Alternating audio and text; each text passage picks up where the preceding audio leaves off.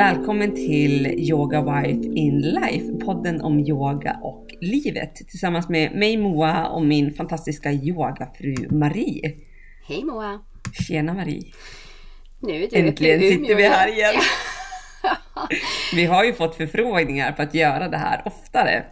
Mm. För det har varit lite glest mellan våra avsnitt eh, under 2019. Kan det komma av, ja, mycket på grund av min lilla, lilla son Börje som eh, han går igenom ena utvecklingsperioden efter den andra och så sen mixar han tänder på det. Så det har varit lite sömn för mig 2019. Ja. Mm. Så är det. Men eh, vad är det som är viktigast här i livet? Familjen. En, ja, precis. Så podden får komma organiskt när den kommer. Precis. Och Men sen- vi gillar ju ändå de här samtalen och att få dela med oss av det vi har lärt oss, av den yogafilosofi vi har koll på, men också komplexiteten gällande yogafilosofin. Mm. Ja, livet allmänt. Men eh, just nu är jag ganska... Läser mycket filosofi. Så det känns eh, relevant att prata om det. Och sen så nästa utbildningshelg på Sommarnaut så ska vi prata om energikroppen. Så, och eh, en hel del filosofi. Så det känns relevant och jag vill gärna prata om sådana ämnen som känns relevanta just nu. Inte bara hitta på någonting som som är ett bra ämne. Men såklart så vill vi ha förslag på vilka ämnen ni vill att vi ska lyssna, äh, prata om. Helt enkelt. Precis. Så vi är öppna för förslag. Men oftast prata om det som, det som påkallar vår uppmärksamhet just nu. Och vad är det just nu som påkallar din uppmärksamhet? Moa? Just nu är det ju korsas. Det är ju en del av den yogiska energikroppen och hur man, hur man ser på energikroppen. Och det jag gillar med att både ha den österländska och den västerländska i bagaget, att båda ger en bra helhetsbild tillsammans. Att vi är väldigt inne på, till exempel som vi har lärt ut på Sommarnaut, men som vi också praktiserar, att man måste vara inne i sin kropp. Man måste känna till sin anatomi, sina ben, sina muskler, sina organ. Vars är de? Hur kan jag yoga utifrån dem? Hur kan jag uppleva min kropp?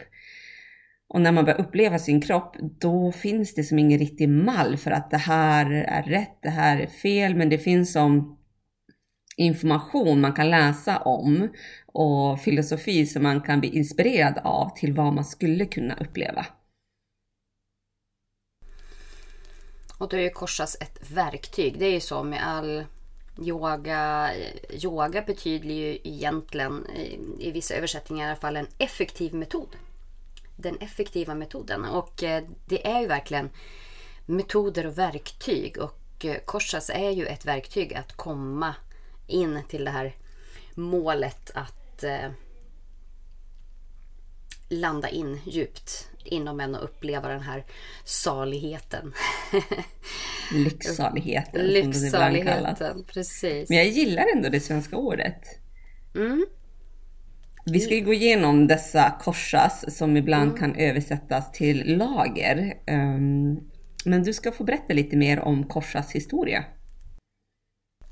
Ja, det finns ju. Jag tror att idag i den eh, västerländska världen så finns det den mest kända versionen av Kochas är den vediska gamla versionen och det är den man ser och hör och lär sig om oftast i yogautbildningar och så.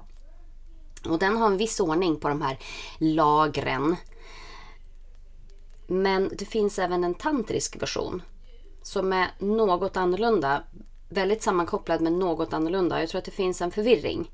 Eh, man kan blanda ihop de här ibland. Så vi kan gå igenom de olika. Jag tycker att vi börjar med den, med den vediska ändå som de flesta känner till. Och den kommer ifrån eh, Upanishaderna, en Upanishad som heter Taitereya. Som skrevs kanske möjligtvis 500-600 år före Kristus. Så det har varit liksom på banan ett tag. Om man säger Den har så. varit med. Precis. Ja, jag tycker att det är en jättebra metod. Jag, jag tycker vi kastar oss in egentligen på en gång i de här lagren. Man brukar ju prata om vi, vi träffade ju en, eh, nu på Yoga Games så var vi ju för en lärare som hade en klass som hette Korsas. Så vi tyckte, ah, intressant, jättebra, vi vill lära oss mer och vi vill gärna gå en klass som, som fokuserar på Korsas. Sen så blev det väl inte riktigt så. Eh, jag ska inte nämna några namn. Men det var väldigt förvirrat. Eh, ihop, ihopblandat. Jag tror det han hade gjort var att han hade på något sätt blandat ihop den vediska och den tantriska versionen och flyttat på ett lager. Eh, och tyckte att så kunde man väl göra fast han hade ingen bra förklaring till varför han hade flyttat på det. När han beskrev att man inte skulle behandla yogisk filosofi som ett museum utan att man kunde mixa ja. ihop det lite grann. Och ja. där är väl inte riktigt du och jag, utan vi, vi hedrar ju den yogiska filosofin. Men sen får man ju välja vad man kan ta till sig eller vill ta till sig. För det är ju allt som inte kallar på mig eller är intressant för mig just nu. Det kanske är det sen eller inte aldrig. Så det, man, man kan ju välja vad man tar till sig, men eh, jag har svårt när man ska hitta på sitt eget och sen kalla det yogisk filosofi, för då är det inte längre det. Då är det lite mer modern filosofi. Ja, det, men allting, allting är ju i utveckling. Så tycker jag. men självklart ska man, man ska inte säga att det är gammal vedisk tradition om det inte är det. Om man har hittat på det själv så kan man inte säga att det är gammal vedisk tradition i alla fall. Eh, sen eh, yogan tycker jag, den utvecklas ju hela tiden och den moderna människan har helt andra förutsättningar än vad man hade då för eh, 500 år före Kristus till exempel. Så man kan behöva andra metoder än vad man behövde då. Till exempel så idag det finns en eh, meditation där man går igenom sinnena som är väldigt eh, väl sammankopplat med just det här ämnet. Att man, man går igenom lager för lager med sinnena och då tar man det som är det som känns mest, det man har bäst kontakt med först. Och i den eh, gamla traditionen så tror jag att man börjar med, med eh, lukt. Alltså luktsinnet. Men idag så har vi ju mera kanske synintryck än luktintryck. Så då kanske man, just i den meditationen så ska man börja med det lagret som är lättast att få kontakt med själv. Men då ingår ju det på något sätt i den metoden att man gör på det sättet och då är det helt okej okay att, att ändra på ordningen så att säga. Mm. Men eh, ja, jag tycker inte att man ska peka finger på något sätt men man kan inte då kalla det för gammal vedisk tradition om det inte är det. Om man har hittat på själv. Men det är mest, jag tycker att det vi pratar om idag, att, ja, men vad är det för någonting och vad är det för skillnad på den vediska och tantriska och, och är det någonting som tilltalar en? För att om det inte tilltalar en, om det inte funkar för en, så kan man ju använda en annan metod. Man ska inte tvinga sig att eh, använda en, en yogisk metod som inte funkar. Oavsett om det är asana eller om det är meditation eller pranayam. Får du panik av att göra nadishodana, pranayam till exempel, gör den inte eller träna på den på ett mycket, mycket lugnare sätt. Ett annat sätt som, som funkar tills man inte får panik längre. För får man panik av pranayam ska man inte göra det. Det funkar inte. Nej, då är det inte rätt väg. Nej, så men det jag gillar med de här lagren är att mm. det ändå kan ge en beskrivande bild över vad man kan uppleva. Och det är upplevelsen som jag tycker är så intressant. För mm. det tar ju ganska lång tid att uppleva sin egen kropp. Och ibland så måste man dissekera upplevelsen för att förstå vad är det jag känner egentligen på insidan. Och då tycker jag beskrivningen av att det är fem lager eller om man tänker rysk docka, att man börjar med yttersta lagret, sen plockar man bort det och så kommer man djupare och djupare in tills man kommer in till kärnan. Tycker jag är en lätt överskådlig bild av vad man kan känna. Sen är det vissa som beskriver en lök, att man skalar av löken lager för lager och också kommer djupare in där. Men ibland så behöver man dela upp det så att det blir supertydligt så att man kan förstå vad är det för olika delar och vad är skillnaden mellan dessa olika delar? För de går ju lite in i varann. Men för att förstå upplevelsen så måste man ibland ta del för del för del för del och sen inse att ja, men det, det går som ihop i varandra som vågor fram och tillbaka. Exakt, och det är nog det som glöms bort lite. Att eh, de faktiskt går in i varandra. Att man oftast behandlar de här helt separat, väldigt dualistiskt. Medan de, allting genomsyrar ju, allting är kroppen. Men på olika sätt. Så ja, men det var väldigt bra. Eh, som en våg. Ja. Jag brukar tänka som en mm, jag brukar tänka som en lampa som är längst in. Liksom. Alltså, det lyser ut genom alla lager. Påverkar alla lager. Eh, ska vi gå igenom bara vad de heter? Jag, jag kan ta den, den vediska eh, själva texten som det här kommer ifrån då. Så jag får översätta till svenska då. då. um, så då står det så här att nu finns här en man som är formad av mat. Och sen så beskriver man att här är hans huvud, här är hans högra sida, vänstra sida, överkropp eller core och så det han vilar på. Så det är liksom, det här är mannen som består av mat i princip och den heter ju Anna Maya Korsa. Eh, korsa betyder då i princip lager.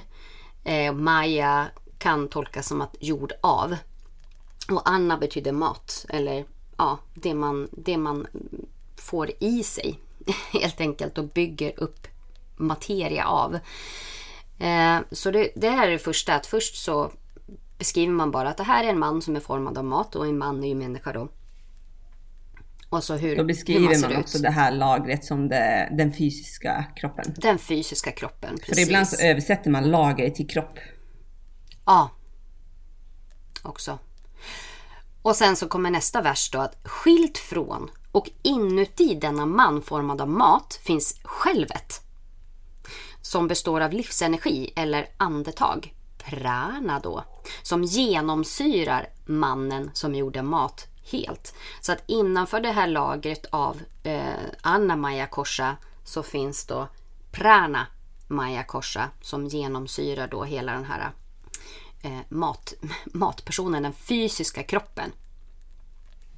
Så jag bara tar den vad som står i texten och sen kan vi gå igenom varje, varje lager lite mera sen. Så, och i detta själv då, pranamaya korsa, kosha, så är utandningen prana i huvudet. Utgående andningen viana i högra sidan. Inandningen apana i vänstra sidan. Space-elementet i överkroppen och jordelementet i botten som han vilar på. Alltså benen och, och pelvis och så. Och här är det intressant att man faktiskt beskriver utandning som prana och inandning som apana, precis som med tantric breath. Det tycker jag var lite bra. och så innanför här då, skilt från och inuti självet som består av andetag så finns självet som består av sinne som genomsyrar det andra självet helt. Så liksom hela tiden så varje lager finns är skilt från och inuti det lagret som var utanför. Och här, det här eh, det här lagret eh, Manomaya korsa i den här vediska versionen så står det bara att det är de här huvudet och, och högra sidan, vänstra sidan och så vidare. Det är mantras. Så mantran, chanting och eh, teachings. Jag vet inte hur man översätter det till svenska. Lärdomar kanske.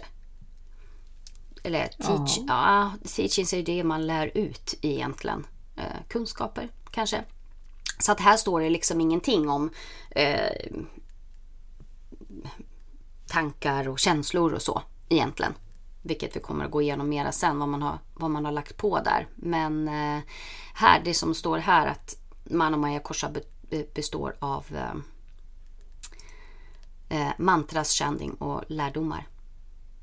Och sen innanför det då så finns självet som består av visdom, vijnana som genomsyrar då det andra självet helt. Och här så är huvudet eh, tro, eller faith, alltså ja, hur man översätter det, tro tror jag. Sanning är högra sidan, det reella är vänstra sidan och yoga, den effektiva metoden, är överkroppen eller kåren och firande är botten. och sen inuti det här då så finns självet som består av bliss, av salighet eller lycksalighet. Eh, och det här, då är huvudet rent nöje. Högra sidan är förtjusning och vänstra sidan är hänförelse. Överkroppen är salighet och botten är Brahman. Så världssjälen kan man väl säga. Så det, det är härifrån den här texten som eh, den, den äldsta texten man har, man har hittat referenser till, tillkorsas. Ehm, och sen resten har man eh, tagit från andra texter. Eh, det har blivit påverkad av västerländsk psykologi och man har blandat ihop det lite grann med chakrasystemet och så. Men eh, jag tycker vi tar, vi tar de här hur man, brukar, hur man brukar se på det här idag och hur man kan jobba med det även på ett mentalt plan. Så här är ju liksom, det är så här mannen eller människan då är i de olika lagren. Ska vi ta dem lite snabbt här då. Anna-Maja Korsa, fysiska, fysiska kroppen. kroppen. Mm. Pranamaya Korsa. Energikroppen. Mm. Manomaya Korsa. Sinneskroppen. Mm. Eller känslokroppen brukar man också mm. säga ibland. Vishnamaya Korsa. Intellektkroppen. Mm. Eller visdom. Mm. Och Ananda Maya Korsa blisskroppen eller lycksalighetskroppen. Ja, precis. Eller själen, spirit själ. Ja. Mm. Så det man kan tänka med Anna-Maja, eh, den fysiska kroppen då. Ja, traditionellt så pratar man ju mycket om mat. Hur, hur du ger energi till kroppen. Men idag så pratar vi väldigt mycket om den fysiska kroppen som en rörelseapparat, som en medvetenhet kring vad gör du med din fysiska kropp? För det är lite där vi västerlänningar är. Vi är väldigt fascinerade av kroppen på olika sätt. Så det är lite lättare för oss att fysiskt landa in i kroppen. Placera din fot där, vrid den där, hur känns det när du landar där? Mm. Men även så finns det ju väldigt mycket idag att man identifierar sig också med sin kropp. Att man tycker att det är bara kroppen som finns. Om man inte har någon som helst eh, spirituell sida så tycker man ju att ja, men kroppen är det enda som finns. Det finns inget annat. I princip. Jag gillar det eh, en body and flow säger att the body is the vehicle for awakening. Så kroppen är ditt redskap för att vakna och det, det kopplar jag samman ganska mycket till det här första laget. Att visst, vi behöver näring och energi i kroppen för att den ska fungera. Men det är via kroppen vi kan gå vidare. Vi måste börja med det yttre lagret, med det första laget för att kunna komma djupare. För om vi inte är i kroppen, då är det svårt att gå vidare och vara spirituell och vara så här lycksalig och så. Tycker jag i alla fall. Jag tycker det är jättesvårt. Och om jag känner smärta i kroppen eller liksom min kropp påverkar mig på olika sätt. Till exempel när jag var gravid och hade mina foglossningar. Det var ganska svårt att vara avslappnad och spirituell och sådär. Jag kunde komma... Ja men absolut, mm. för att jag fastnade i kroppen för att det var någonting som gnagde hela tiden. Men när jag började anpassa och faktiskt ta hand om kroppen, då vart det ju lättare. Att jag inte tränade tung styrketräning för att det gjorde bara ont efteråt. Eller att jag vilade betydligt mer än vad jag behövde.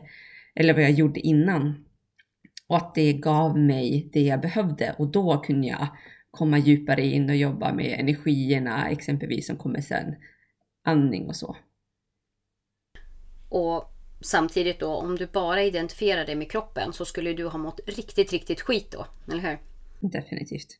Och jag, jag gjorde ju det i början, för i början bara shit, är det här, ska jag ha den här kroppen resten av mitt liv? Jag fick nästan panikångest. Ska jag ha ont resten av mitt liv? Och sen fick jag som skala av från det att nej, det är bara nu. Jag får ta dag för dag och får jag ont resten av livet, då får jag ta det dag för dag. Precis. Hon brukar ju också säga att om man kan, om man kan kontrollera kroppen så kan man kontrollera sinnet. Eh, men hur tar man hand om, så det här laget, man brukar säga att man, man måste liksom se till att det blir harmoni i varje lager. Och det är precis som du säger att ja, men behöver du vila, vila. Ät bra mat till exempel. Alltså istället för att kasta i sig en massa skit. Så, som, som då kommer att göra att din kropp mår dåligt så ser du till att äta, äta bra mat. Ge dig själv bra saker, ta hand om dig själv. För det märker man ju att om man äter dålig mat, helst jag som har allergier, har jag ätit något jag inte tål då går ju det vidare till hur jag känner i kroppen, vad jag tänker om kroppen. jag fastnar väldigt mycket där, att liksom magen är uppsvälld och den gör ont och det är svårt att slappna av. Och, så allt man stoppar i sig ger ju energi till vad som komma skall. Mm. Precis, väldigt sammankopplat. Och det häftiga tycker jag ändå att även om jag inte kände till den yogiska filosofin, när jag kollar tillbaka på det så kan jag ändå se att jag följt det här mönstret. Att jag börjar med den fysiska kroppen. Man börjar med andning sen. Men sen också att jag började äta bättre mat för att jag kände i kroppen att den här kroppen mår inte bra av vissa livsmedel. Jag började uppleva att nej, men jag blir uppsvälld och jag får ont och jag blir trött. Så när jag började byta ut det till bättre livsmedel, då märkte jag att jag gjorde det omedvetet. Och det är så enormt häftigt. När man får kontakt med hela, hela sig så fixar man sig själv. och förstår kroppen och när man är närvarande då kan man som backtracka. Okej, okay, jag åt det där livsmedlet och det genererade det här. Då kanske jag ska utesluta det eller äta det mer sällan. Precis. Ja, det är bra. Så att eh, få ordning på kroppen först. Och man måste stärka den och mjuka upp den. För det är lite det, mm, man dras åt två olika håll tror jag. Att antingen så älskar man styrketräning och kötta och liksom stärka upp och sånt. Eller så gillar man bara myset och avslappningen och återhämtning. Men vi behöver båda för att kroppen ska må så bra som möjligt. Absolut. Mm. Vad är nästa lager då, enligt den vediska traditionen? Sinnes... Nej, andningslagret. Mm, prana. Pranamaya kosha. Mm säga, energikroppen skulle man kunna säga här också. Och prana, livsenergi. Och precis som i eh, den här texten som jag läste, där pratar man ju nästan bara om andning. Eh, vajus, alltså inandning går ner, apana eh, och utandning går upp, prana och sen att det sprids i kroppen, viana ut. Eh, så väldigt mycket handlar om andning men även att man kan rikta eh, rikta uppmärksamheten i kroppen. Man brukar ju säga att du är ditt andetag. Eller hur? Mm.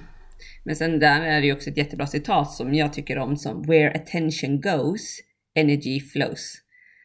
Så det du fokuserar på, det kommer att växa och det finns till och med forskning på att om du fokuserar på ett specifikt område i din kropp så kommer blodcirkulationen öka där utan att du rör det, utan att du spänner till det, bara det att du lägger din uppmärksamhet på exempel lilltån så kommer blodcirkulationen öka där. Och det är så galet häftigt. Jag pratade med min man häromdagen om eh, det här att när man är skadad, om man är elitidrottare och är skadad så kan man tänka sig att man gör sin sport. Och då kan man mäta aktivitet i både hjärnan och i musklerna. Även om du är helt, helt stilla så kan du mäta aktivitet i kroppen. Det vet man ju själv om du är dansare och tittar på dans. Så kan du känna i kroppen hur du dansar. Eller om du är fotbollsspelare och tittar på en fotbollsmatch så kan du liksom vara med på något sätt i kroppen även fast du sitter helt, helt stilla. Eh, som och då läker man mycket fortare. Så elitidrottare som gör på det här sättet läker och kommer tillbaka mycket, mycket fortare efter en skada. Och samtidigt förlorar de inte lika mycket muskelmassa. Nej, det är ju jättehäftigt. Det är skithäftigt. Jag hade en av mina yoga, mm, yogaklienter. Hon, hon bröt benet. Och då tänkte hon att hur ska jag kunna fortsätta träna? Så hon tränade det andra benet men tänkte på det brutna benet. Så när de tog bort gipset då hade hon knappt förlorat några muskler. Det är skithäftigt! Så tankens kraft är enormt stor. Verkligen. Men här pratar man ju lite mer om andning egentligen och där är ju egentligen steg nummer två tycker jag i yogan. Att först börjar man med kroppen. När du har koll på kroppen då kan du börja andas och slappna av i kroppen och dirigera energi till kroppens olika delar.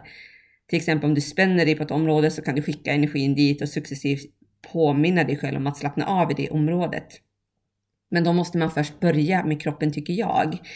Att kroppen är det första steget och när du kan rörelsen, när du kan positionen, det är då du kan börja få in en mycket lugnare andning. I början när man provar nya grejer, då kanske man håller andan eller är så himla koncentrerad att det går inte att få ett flyt i andningen. Jag brukar faktiskt guida, för det prana, alltså andningen påverkar ju kroppen så otroligt mycket precis som du säger. Så man kan ju börja också, och det här visar ju att andningen genomsyrar verkligen kroppen. Precis som de pratar om. Att det här lagret genomsyrar eh, det yttre lagret så att säga. När jag guidar ibland så brukar jag guida att antingen börja från rörelsen och låt andningen komma med som den känns naturlig. Så att om du börjar en rörelse så kommer inandningen med rörelsen. Eller så kan du börja andetaget. Du börjar andningen, vet ungefär vilken rörelse du tänker dig. Eller så bara följer du med att låta kroppen följa med andetaget. Så du börjar att andas in. Och sen kommer rörelsen med inandningen eller utandningen. Så man kan gå här, tycker jag, åt båda hållen. Faktiskt. Men eh, absolut, man kan börja på, på kroppen. Men, eh, mm. Men det är här vi säger att det är inte direkt som att du går utifrån och in, men det är en enkel förklaringsbild att gå igenom utan att vävs ju samman. Precis. Och sen just det här viktiga som man tappar ibland, att det inre verkligen genomsyrar det yttre. Eh, och kan påverka och speciellt med, med prana, med andetaget, hur det påverkar både den fysiska kroppen men även nästa lager. Manomaya korsa, känslokroppen skulle jag vilja kalla det för, eller tankar, känslor, sinnet. Eh, för här vet man ju också med med om, du mår, om du mår bra i kroppen, om du kan andas djupt och lugnt, eh, hur det påverkar hur man känner och mår och tänker. Och att man faktiskt kan uppmärksamma det man känner och mår och tänker. För man kanske inte alltid mår kanonbra varje dag. Men då kan man känna efter att ja, men idag mår jag inte kanonbra. Och så kan man kategorisera det. Att okej, okay, vad känner jag? Vars kommer det ifrån? Eller vad är det jag tänker om mig själv? Och jag tycker det här är så, så viktigt för vi tänker extrema mängder tankar varje dag. Och det är så viktigt att förstå vad är det de här tankarna gör med mig? Omedvetet. Och det är därför vi vill bli medvetna om dem så att vi kan påverka dem och styra det vi vill kanske lägga fokus på. Mm.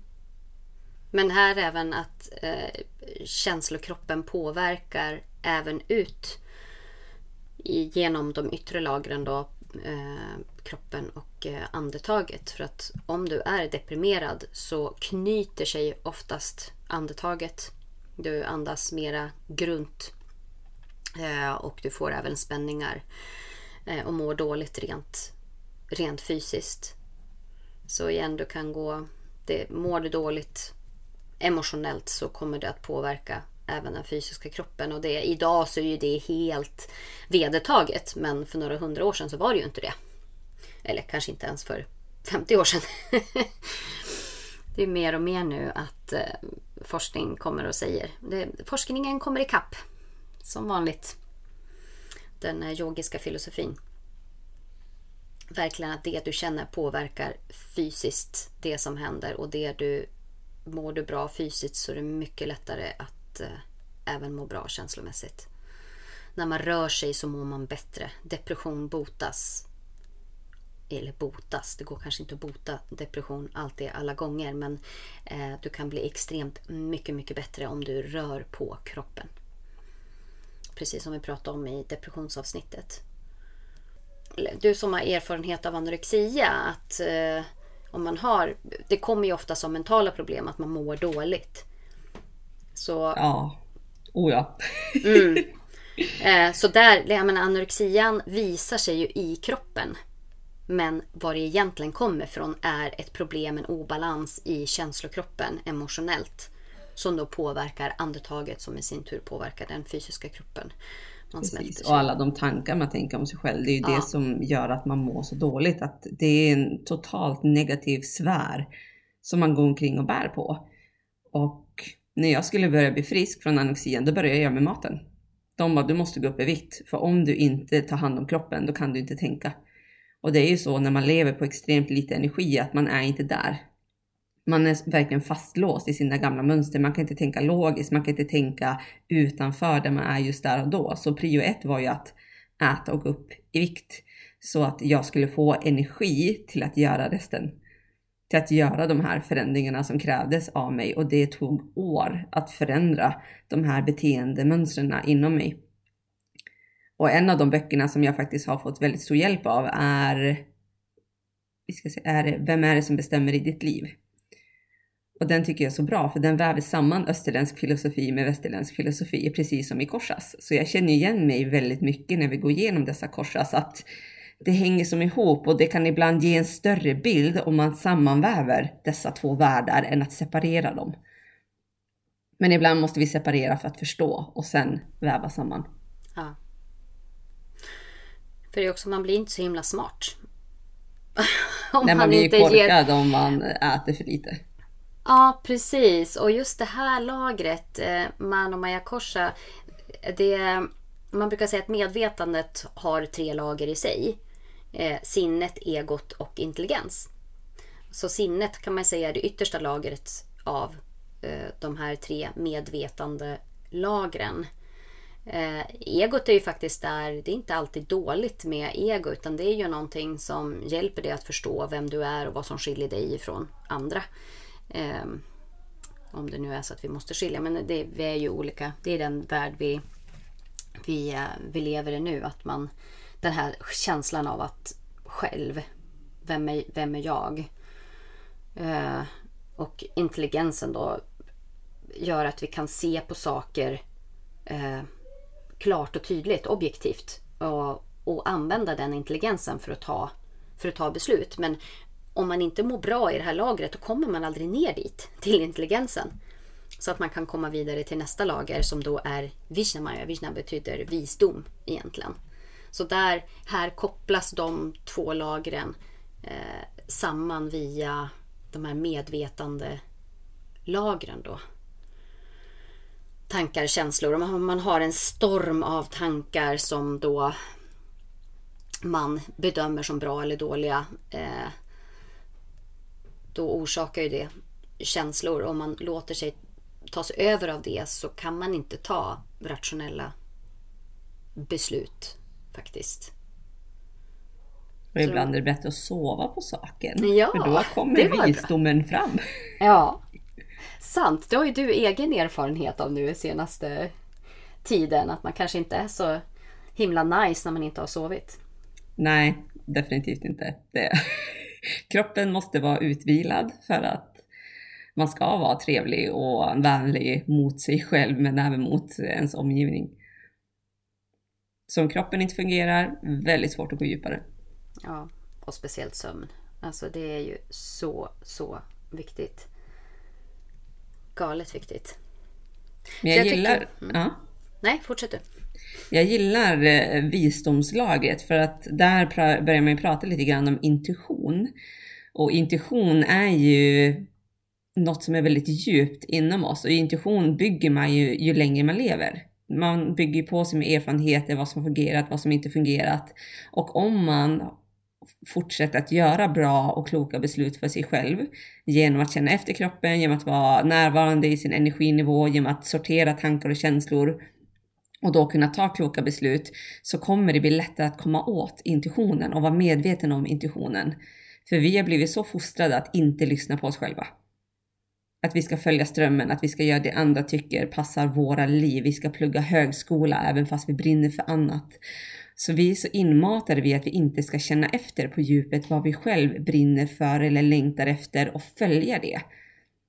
Och det är därför jag älskar det här laget, att hur kan du börja lyssna på din intuition än mer? Genom att eh, ha balans i ditt manomaya korsa kanske. Så att du kommer ner till den här intelligensen som Eh, så att du inte är bunden av dina tankar och ditt ego som talar om för dig att men jag är så här fast inte så där. Om jag pluggar det här så kanske min eh, mamma eller pappa kommer att tycka att jag är jättebra. Men om jag gör så här så kommer de tycka att jag är dåliga. Eller om jag tjänar pengar så blir det bättre.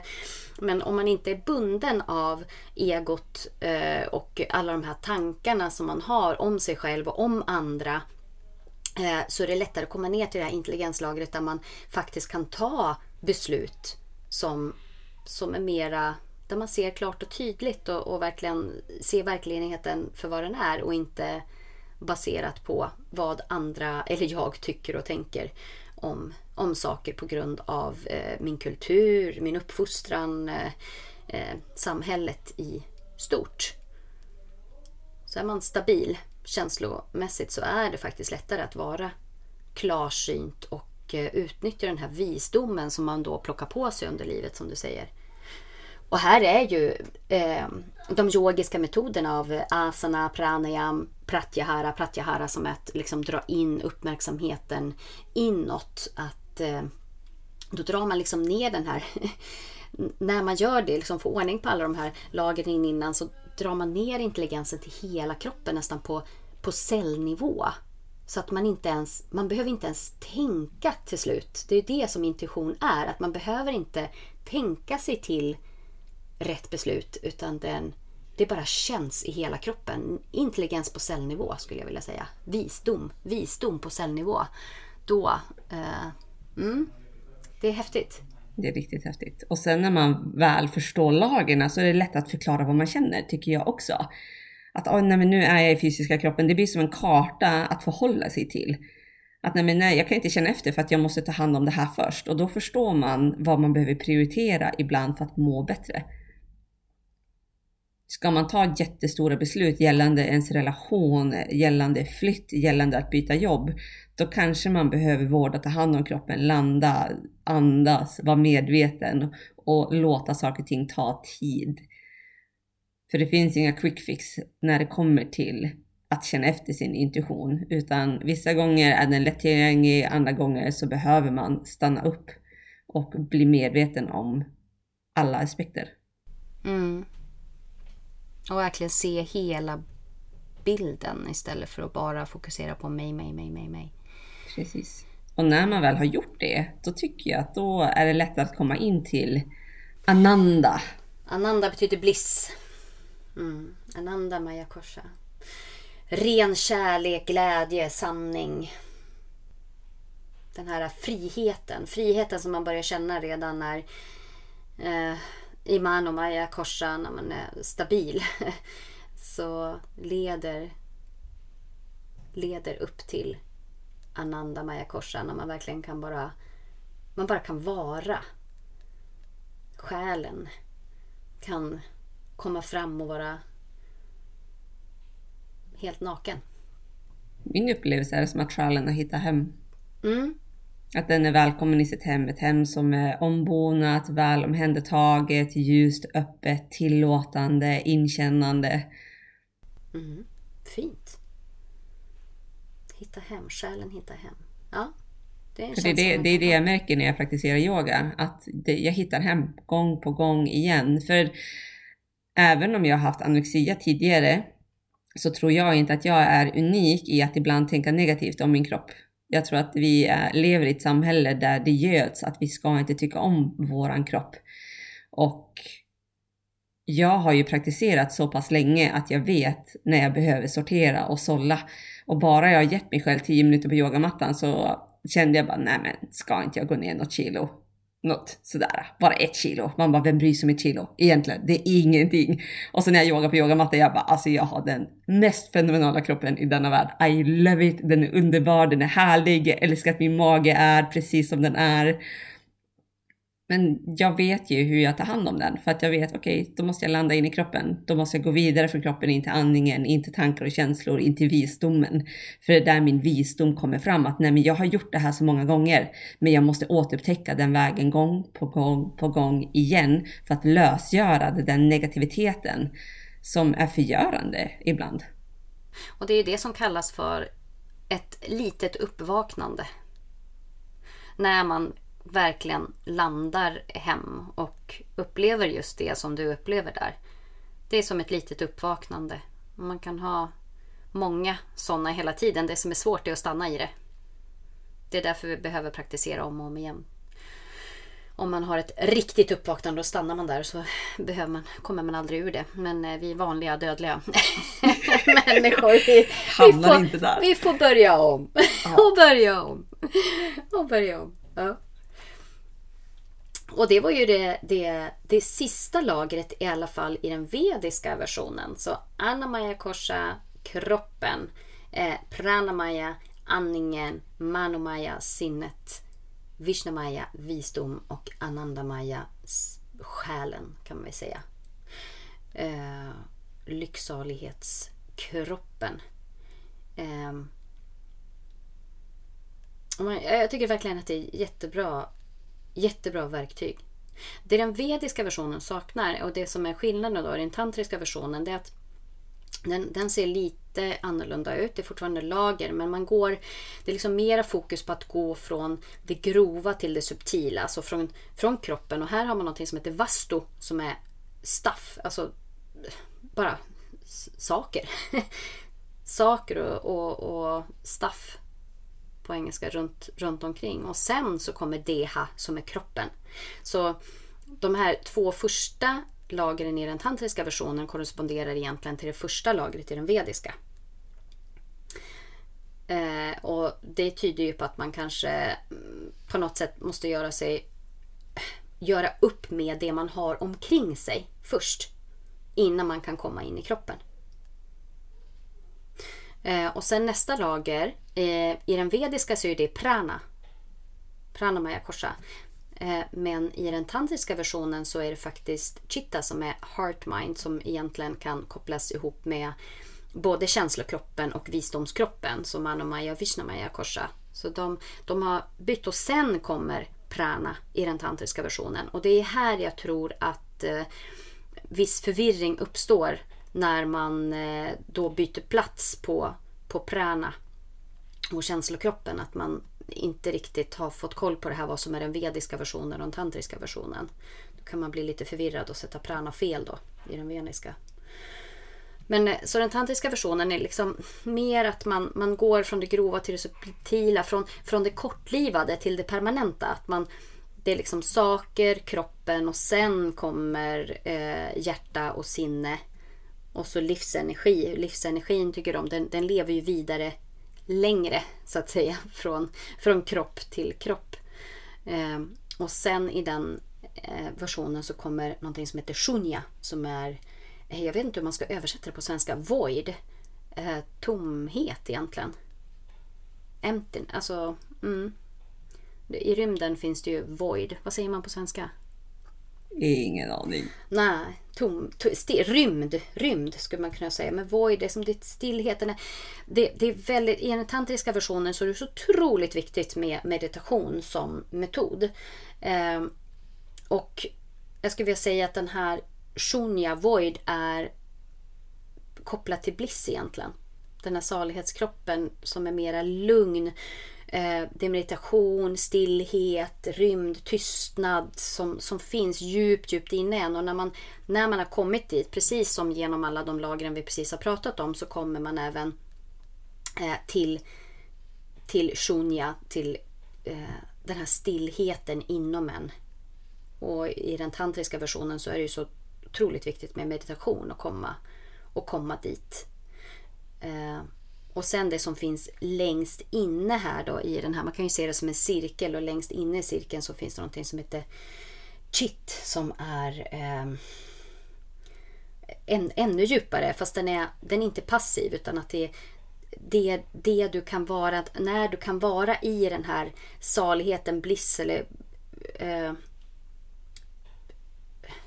rymden, tystnaden även i livet. Så att du även kan vara aktiv samtidigt. För det är det som är med den tantriska versionen. Att du ska, liksom, du ska kunna leva med det här. Du ska, du ska kunna komma till det djupaste, djupaste lagret och ändå fungera som människa. Är du med? Mm. Eh, så att du tar in hela världen. Du är inte bara passiv och mediterar i stillhet. Utan du kan vara där eh, i ditt innersta lugn men ändå samtidigt ha kraften att, att göra saker, att åstadkomma saker, att leva, att eh, vara med andra människor. Och Det är väl egentligen den största skillnaden mellan dessa två filosofier.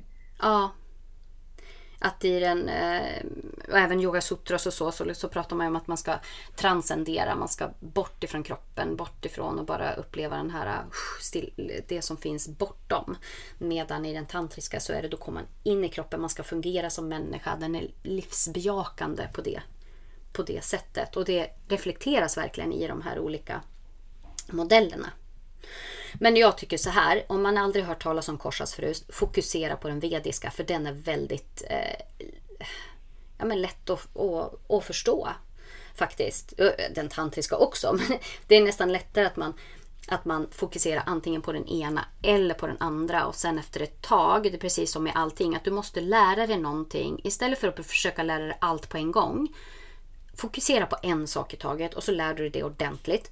Sen kan du fokusera på en annan sak och så sen efteråt göra sammankopplingen. För det blir väldigt förvirrat som vi då märkte nu på Yoga Games att man ah, ah, har man liksom lärt sig båda sidan av varandra så, så uh, det är för sig, jag tycker att ja, men är det något som tilltalar en mer och jag tycker att ja, men prana funkar bättre eh, längre ner i lagren så ja, ja men visst gör det, gör det på det sättet men man ska ändå veta att det, det är olika metoder helt enkelt eller versioner av samma, samma sak. Mm. kanoners. Mm. Men jag är lite sugen på den där äh, meditationen du pratar om med de här sinnena och hur man kunde gå igenom de olika lagren. Mm. Sinnena är ju, de är väl kopplat eh, mera till ett specifikt lager men antingen kan vi göra den med sinnena eller så kan vi göra en faktiskt korsas eh, korsas lagren. Ja, men jag tycker vi kör en korsas-lagren. Ja. Då får vi hitta på lite grann där då. Men då säger jag det att det här är, det är ingen, eh, inget, ingen meditation som jag vet i alla fall finns i någon skrift sådär som pratar direkt om korsas. Jag vet det, jag kan den om sinnena. Men eh, mm, det, det ska vi nog kunna lösa helt enkelt. Och det är ju mer för att uppleva de mm. olika lagren i kroppen och kanske få en lite djupare kontakt till vad du kan uppleva när du praktiserar yoga mm. och de olika aspekterna av dig som människa. Ja, och att de kan smälta samman, att de verkligen påverkar varandra. Det, I meditationen så är det mer att man ska få en upplevelse av att man är ett. Till slut så är man ett. Man upplever de olika lagren men sen så låter man dem också smälta in i varandra. Och det är precis så man gör med den meditationen med sinnena också. Vi kanske får köra båda två helt enkelt. Det låter som båda två tycker jag. Ja, då kan, ja. Oh, oh, vi spelar in båda två och sen kan vi släppa dem med lite mellanrum så får vi ett till avsnitt så kanske folk blir lite glada. Mm. Mm får de hinna landa. Ja men exakt. Mm. Och en kärleksmeditation vill jag också lägga upp separat kom jag på. Så ja, vi har mycket meditationer att släppa. Det finns mycket bra där ute. Mm. Men du Moa, känner vi oss nöjda med Kochas? Det gör vi. Och det är ju bara att ställa frågor om ni känner att något kändes otydligt eller så, mm. så svarar vi efter bästa förmåga. Mm. Superbra. Men då hörs vi om eh, två veckor kanske? Ja, det tycker Aha. jag. Mm. Ja, bra. Hej då! Hej då!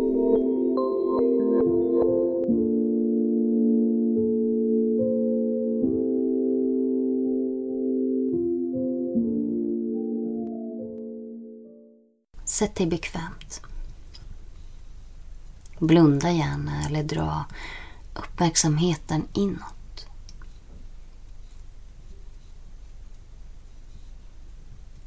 Fokusera på din fysiska kropp. Anna Maja Korsa. Kanske känner du tyngden av din kropp ner mot underlaget. Kanske kan du känna ditt hjärta slå. Dina mag eller ryggmuskler som hjälper dig att sitta upprätt.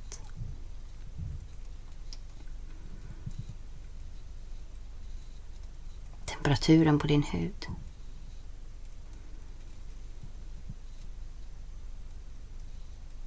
Kanske är det något som kliar, känns tajt och obekvämt. Var där. Helt närvarande i din kropp och alla fysiska förnimmelser som gör sig påminda. Kanske finns det tankar om din kropp vare sig de är så kallat positiva eller negativa, se om du kan släppa dem och bara vara i känslan av din fysiska kropp. Huden. muskler, skelett, organ.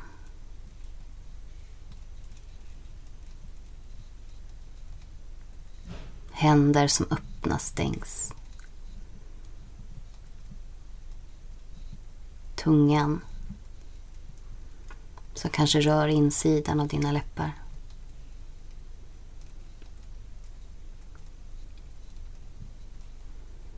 Saliven i munnen.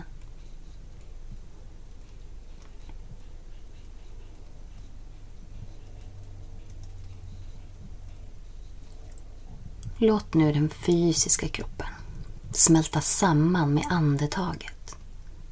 Prana, Maya Korsa. Notera hur andetaget genomsyrar din fysiska kropp. Den fysiska beröringen av inandning och utandning.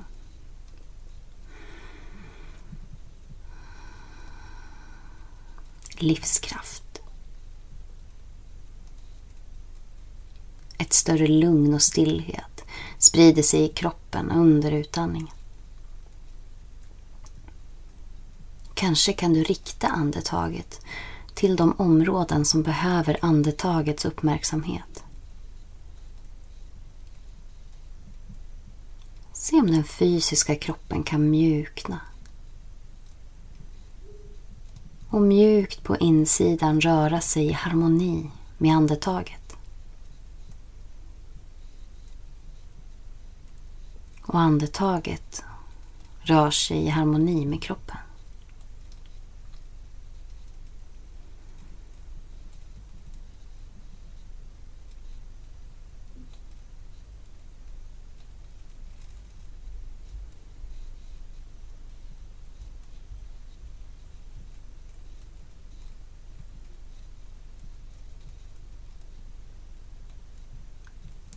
Låt nu andetaget och den fysiska kroppen smälta samman med sinnet, medvetandet. Mano Maya Korsa. Tankar och känslor flyter förbi. Utan att bedöma tankarna. Utan att värdesätta känslorna som vare sig positiva eller negativa. Låt dem vara där. Flytande, komma och gå. Transformeras. Byta skepnad.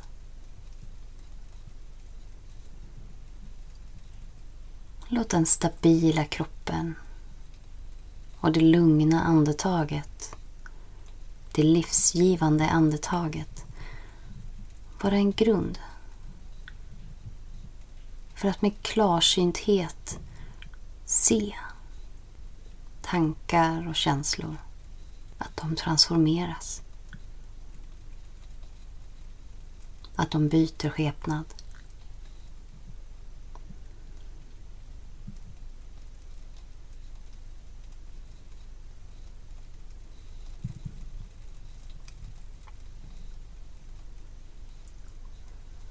Låt klarsyntheten göra plats för och smälta samman med din visdom. Vishna, Maya Korsa. Låt denna klarsynthet sprida sig genom din kropp med hjälp av andetaget ut till varje cell. Låt kroppen känna den intelligens och närvaro klarsynthet och intuition som genomsyrar hela ditt medvetande, hela ditt sinne. Medvetenhet och visdom som vidgas, som blir djupare. In i stillheten, tystnaden och rymden inom dig.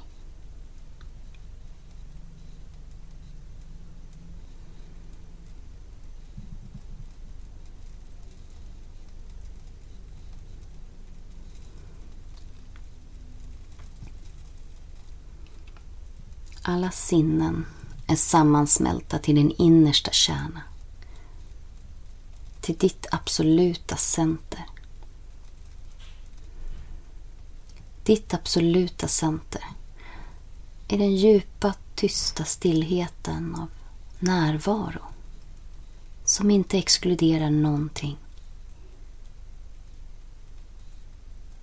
Där du hittar ren kärlek, glädje, det som är sant.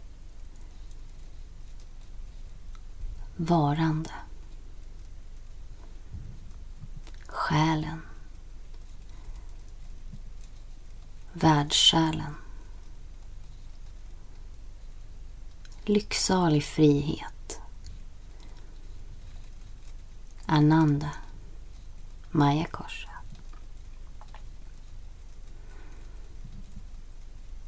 Och från denna plats blicka ut över den vackra oändligheten. Din kropp. Ditt andetag. Ditt sinne. Din visdom. Alla del av denna vackra, djupa stillhet och kärlek.